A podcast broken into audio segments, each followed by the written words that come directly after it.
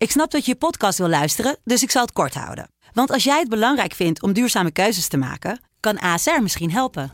Nou hoor ik je denken, hoe dan? Nou, bijvoorbeeld bij het duurzaam herstellen van schade. Of de premies die we beleggen volgens ons duurzaam beleggingsbeleid. Dat bepaalt waar we wel en juist niet in investeren. Wil je meer weten over welke duurzame keuzes ASR maakt? Ga dan naar asr.nl slash duurzame keuzes. ASR doet het. Zo, dan kan je nu lekker naar je podcast luisteren.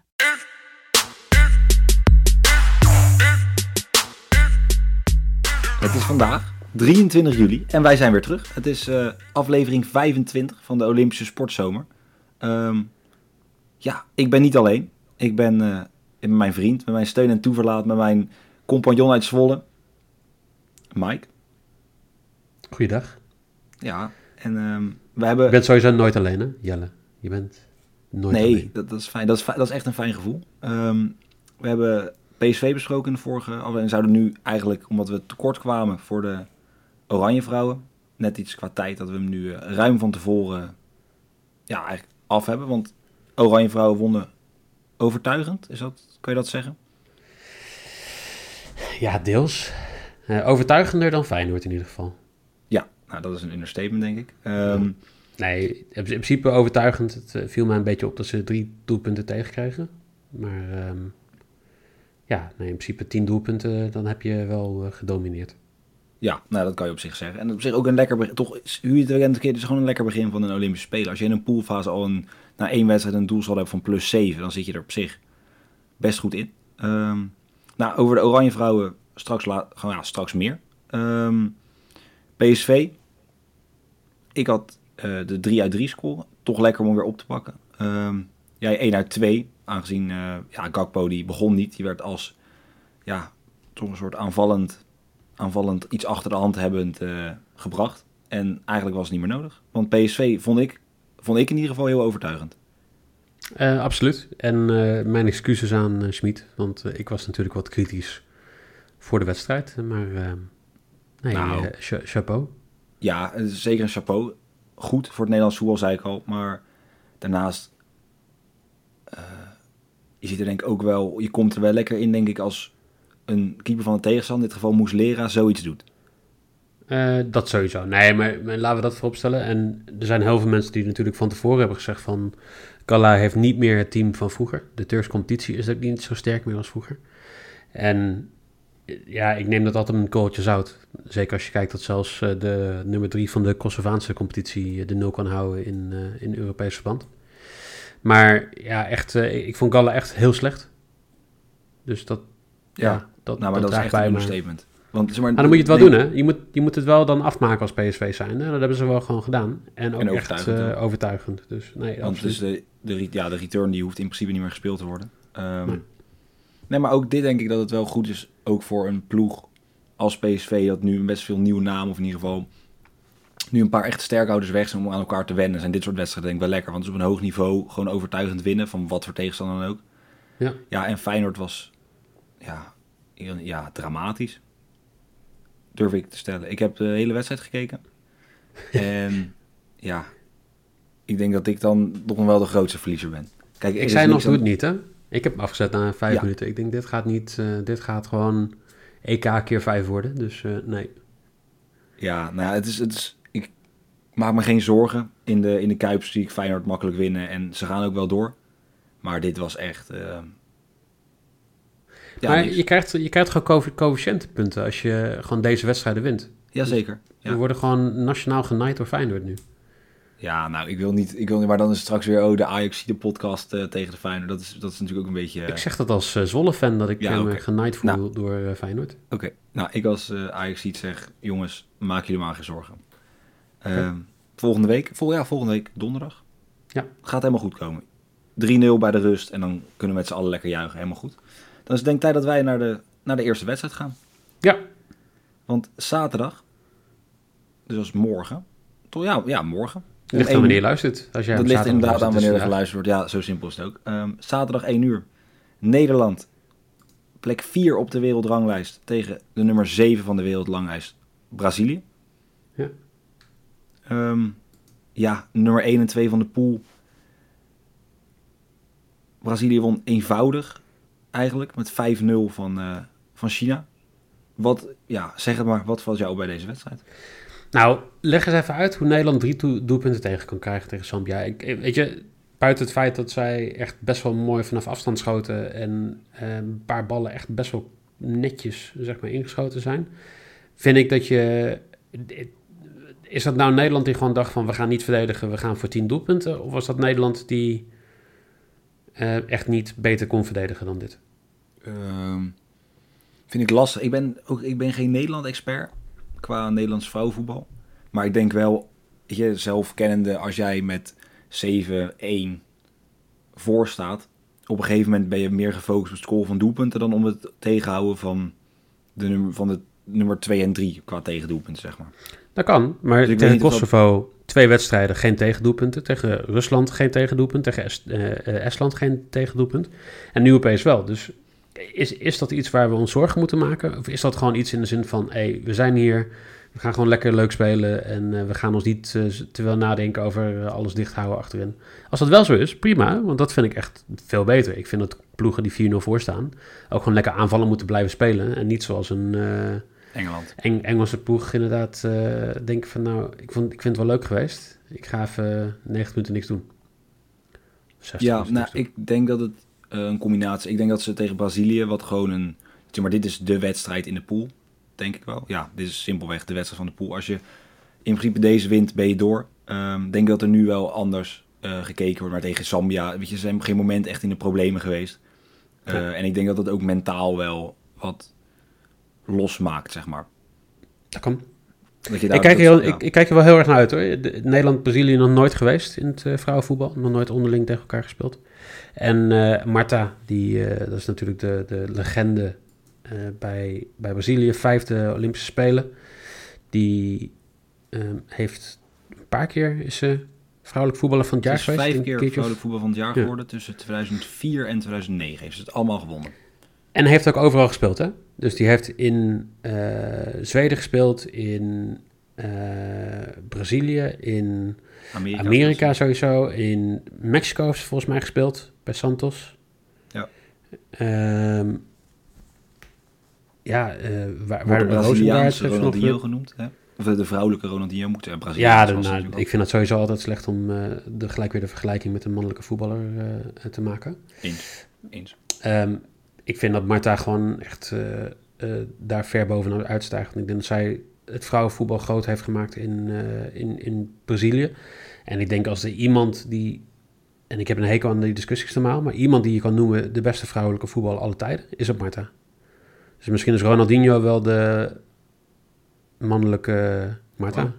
Oké. Ja, nee, ja, dat kan ook. Dat is, maar dat is maar natuurlijk Nee, maar simpelweg, zij heeft wel voetbal op de kaart gezet in Brazilië. Waardoor het, zeker het vrouwenvoetbal wel zichzelf heeft kunnen ontwikkelen. En ja, weet je, daaruit voortkomend, kijk, ik hoop dat Nederland wint. Dat hoop ik echt, maar Marta neemt alles. Ik heb even zitten kijken, die neemt gewoon alles. Ze scoorde al twee keer Ja. tegen China. Ehm, dus ik denk dat Marta een doelpuntje gaat maken. Ehm Oké. 2,88. 111 doelpunten, Marta, in 160 wedstrijden. Ehm, maar ja, wij hebben ook zo'n ehm, toekomstige legende bij ons in het team zitten, namelijk Minema. En die scoorde er toch wel een aantal, aantal doelpuntjes tegen Zambia, ook best wel knap. Eh, behalve die eerste, wat gewoon echt een tiegelijke blunder was van de keeper van Zambia. Nou, Maar die gaat... Understatement, denk ik. Dus ja, voor iedereen die de beelden niet gezien heeft, kijk het terug. Want ehm, ja, als jij vier meter buiten je eigen penaltygebied eh, opeens je realiseert, oh shit, ik mag hem niet pakken. En eh, vervolgens eh, dat je geen backup plan hebt, dan... nee, maar die realiteit was ze maar die... Zeg maar, ze, ik denk dat ze vol overgave naar die bal ging. En op het moment dat ze dacht, shit, weet je, dat is ineens een soort... ik mag niet in mijn handen pakken hier. En, en dat, zeg maar, die, dat, die beslissing, dat, dat, die, die gedachte is gewoon nooit meer te boven gekomen. Daar kon ze niet op tijd Nee. van herstellen. Precies, dus eh, ik denk dat uh, Minima in deze wedstrijd wel gaat scoren. De, de Braziliaanse keeper is wel een stuk beter, maar ik, eh, ik, ik denk dat Minima nog wel haar kansen gaat pakken. En dan eh, krijg je 2,30 euro krijg je daarvoor terug. Zeker, ja. En dan de tweede wedstrijd. Dan gaan we naar de zondag. Dan gaan we naar de, ja, de onder 23 ploegen. ehm, waar verrassend veel spelers eigenlijk allemaal niet echt onder de 23 zijn. Ehm Drie om half per één. team, toch? Ja, drie per drie team dispensatiespelers. Ja, precies. Drie dispensatiespelers. En die worden eigenlijk bijna allemaal wel gebruikt. Behalve bij Australië. Eh, en die spelen tegen Spanje. Eh, nogmaals, Ja. zondag om half één. Ehm, Australië, vrij verrassend. Als je gewoon Vrij verrassend. Quotering van 57 dat ze zouden winnen van, eh, van Argentinië. enorm verrassend en een toch simpele 2-0 overwinning. Ehm, kijk, nou is Argentinië, ik heb even het is niet een niveau Argentinië-Argentinië, zeg maar. Het, het hoogste elftal. Nee, Ehm, maar dat kan niet. Dat snap Ook ik niet zo- maar zo dicht achter de koop, talenten vind ik het ook niet. Het zijn niet zoveel grote namen als in eh, bij Spanje voetballen nu bijvoorbeeld. Ehm, Maar ja, Australië won wel gewoon tegen alle verwachtingen in. Eh, ja, en Spanje vrij bizar. Die hebben een soort halve EK-selectie meegenomen met een eh Unai Simon, Pau Torres, Eric Garcia, dat gaat nu, ja, nu Barcelona, Dani Olmo, Soler, Pedri, Asensio en Orzayabal. Eigenlijk allemaal namen die, nou bijna alle namen zijn ook gewoon naar het EK geweest en hebben er ook gewoon minuten gemaakt. Ja. Ehm, leuk te benoemen. Dylan Ryan. Maar wacht even, voor, voordat je doorgaat. Hoe kan het in godsnaam zijn dat je dan met zo'n team 0-0 speelt eh, tegen Egypte? Ja, dat weet ik eigenlijk niet. Nee, dat, ze waren ook niet heel veel beter qua statistieken. Nee. Ze hadden 57% balbezit. Kijk, als het nou vergeleken wordt met de eerste wedstrijd van Spanje op het EK. Die speelde natuurlijk tegen Zweden. Was het een balbezit volgens mij van 84 of zo, 87. Ja, ook 0-0. Ook 0-0, maar dan kan je nog zeggen, joh, ja, we hebben kansen gehad. We hebben, we hebben in ieder geval wel de bal gehad. Maar met 57% balbezit vind ik ook niet zo heel veel. Eh, nee, dat klopt. Dus de vraag is, eh, kijk, Australië is, is dik underdog voor deze wedstrijd. Eh, volgens mij staat het op, nou, 11. Nou, Ja. Spanje dus nog 1-1. grotere underdogs dan, eh, dan tegen Argentinië. Ehm, ja, ik, ik, ik, vind het, eh, ik, vind het interessant, want ik, ik heb die wedstrijd gekeken van ehm, Argentinië tegen Australië. Argentinië ehm, natuurlijk enigszins benadeeld door Francisco Ortega, want die eh, pakte een rode kaart. In, de 45e minuut maakt eerst een overtreding, krijgt hij geel voor.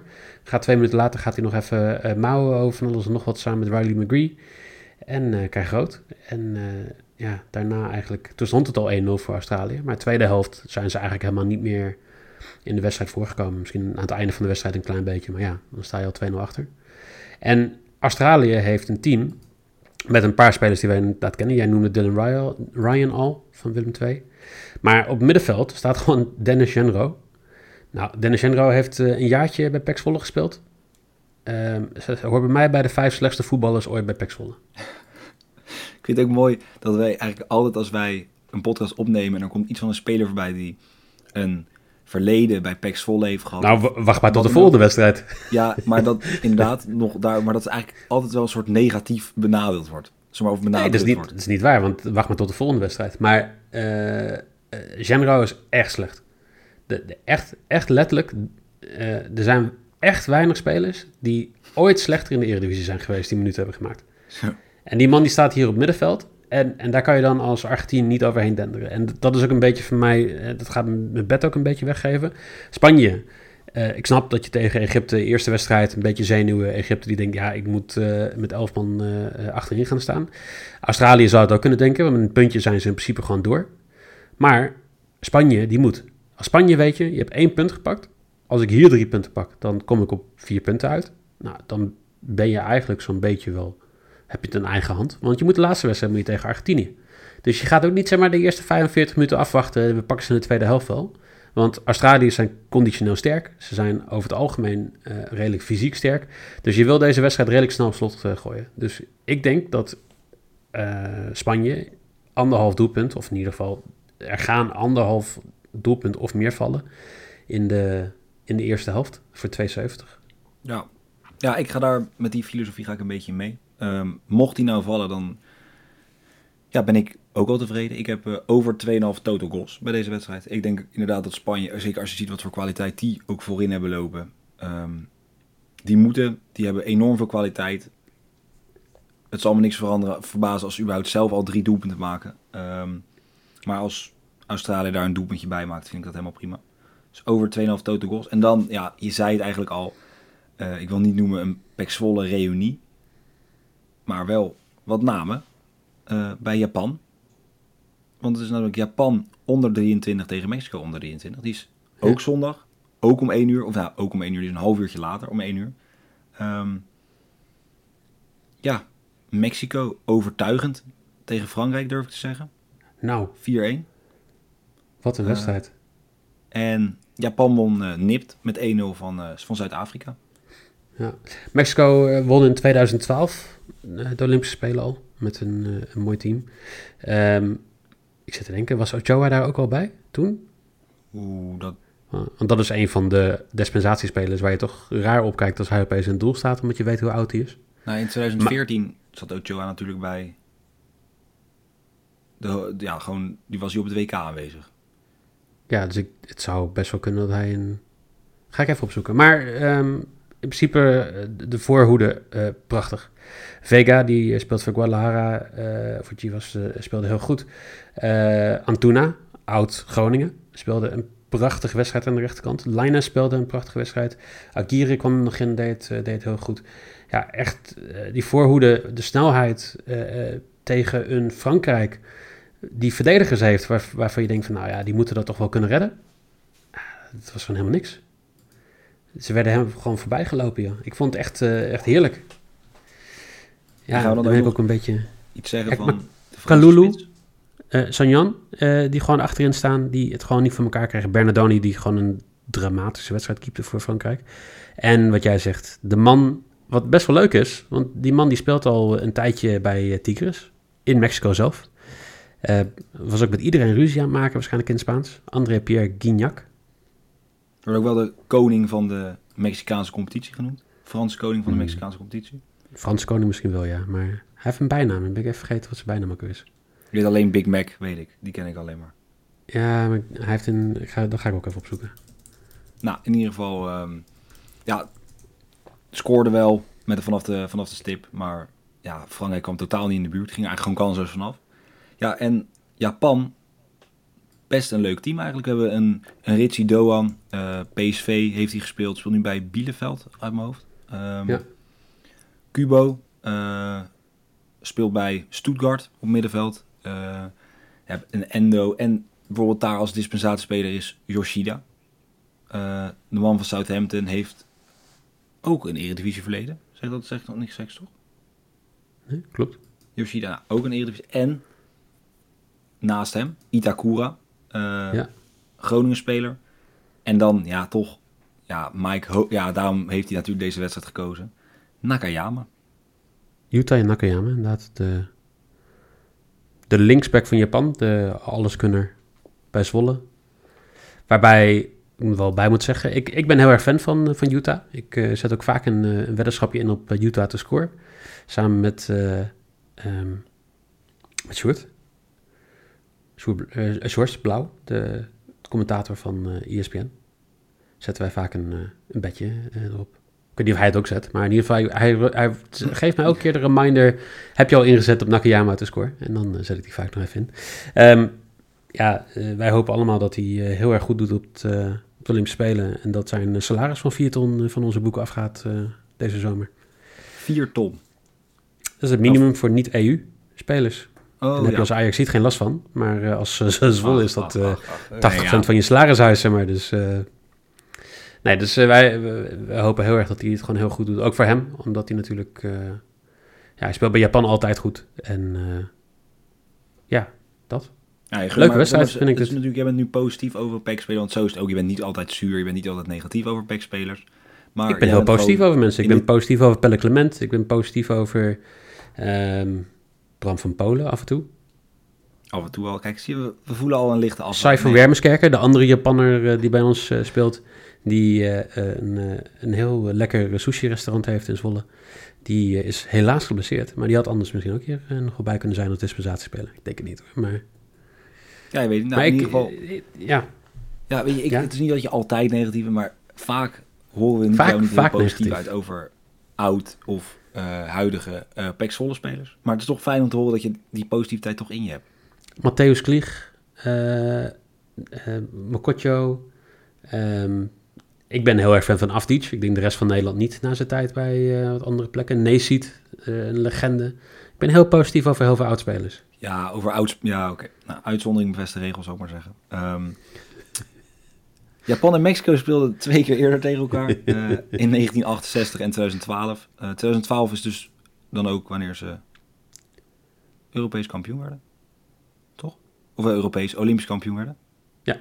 Nou, die wonnen ze ook. eh, en Mexico, of eh, Japan won in 68. Ehm, ja, ik ben heel simpel. Ik moet zeggen, als ik zo'n Mexico-expert heb, iemand die wedstrijden kijkt, iemand die, die daarin verdiept, en ik hoor Mexico gaat winnen, dan kan ik niet anders vertrouwen dan op, eh, op zijn specialiteit. Ehm, dus ik speel Mexico wint voor 2,50. Ja, die speel ik mee. En, en meer omdat ehm, Japan heeft een hele slechte voorbereiding gehad voor de Olympische Spelen. Eh, en dan snap ik dat je voor thuispubliek misschien iets meer kan. Maar ja, het stadion is leeg. Dus thuispubliek is er niet. Maar 1-1 gelijk tegen Qatar. eh 2-1 verloren van Syrië. 2-1 verloren van Saudi-Arabië. En dat je dan met 1-0 wint van Zuid-Afrika, dat kan. Maar Mexico is echt gewoon een goede doen. Echt een goede wedstrijd tegen Frankrijk gespeeld. Maar ook gewoon met 1-0 gewonnen van eh Jong Amerika. Eh, gewonnen van Costa Rica, gewonnen van Canada. 1-1 gelijk tegen Honduras, wat toch ook wel een, eh, een, goede ploeg heeft. Dus ik, denk dat ze hier gewoon ja, goede kans hebben. En dan vind ik de kwartering vind ik gewoon hoog. Voor 2,50. Zeker. Ehm, ja, dan zijn we door de wedstrijden heen. Dus dan doen we altijd heel simpel even de backs noemen. Eh, zoals gezegd, Mexico wint. Eh de eerste wet van Mike. Eh Vivianne Minima scoort voor 2,30. Ehm, en bij de wedstrijd Australië-Spanje minimaal twee doelpunten in de eerste helft voor 2,70. Eh, ik speel ook Mexico wint voor 2,50. Eh Marta gaat Nederland toch een beetje pijn doen voor 2,88. Scoort een doelpunt. En over 2,5 goal. Gewoon totale goals over de hele wedstrijd bij Australië-Spanje voor 1,70. En dan zijn we er eigenlijk alweer doorheen voor vandaag. Ehm, Ja. ja, Maandag weer. maandag weer. Ehm, we moeten sowieso even kijken. We hebben natuurlijk veel toch Europese wedstrijden. Eh moeten we even kijken hoe we dat in elkaar gaan doen. Wil je daar nou weten? Wil je op de hoogte gehouden worden? Dat kan, maar, dat kan eigenlijk, eigenlijk maar op één manier. Dat is door de socials te volgen. Dat is FC Betting op Twitter. FC, NL. FC Betting NL. FC Betting NL op Twitter. Ehm FC.betting. Ook de NL daarachter. Nee? FC.betting op Instagram. En FC Betting op Facebook. Ehm, bij vragen, opmerkingen, de DM's staan altijd open. Mike, mag ik jou bedanken? Ja, dat mag. En dan zien we elkaar, zoals Mike al zei net, maandag weer.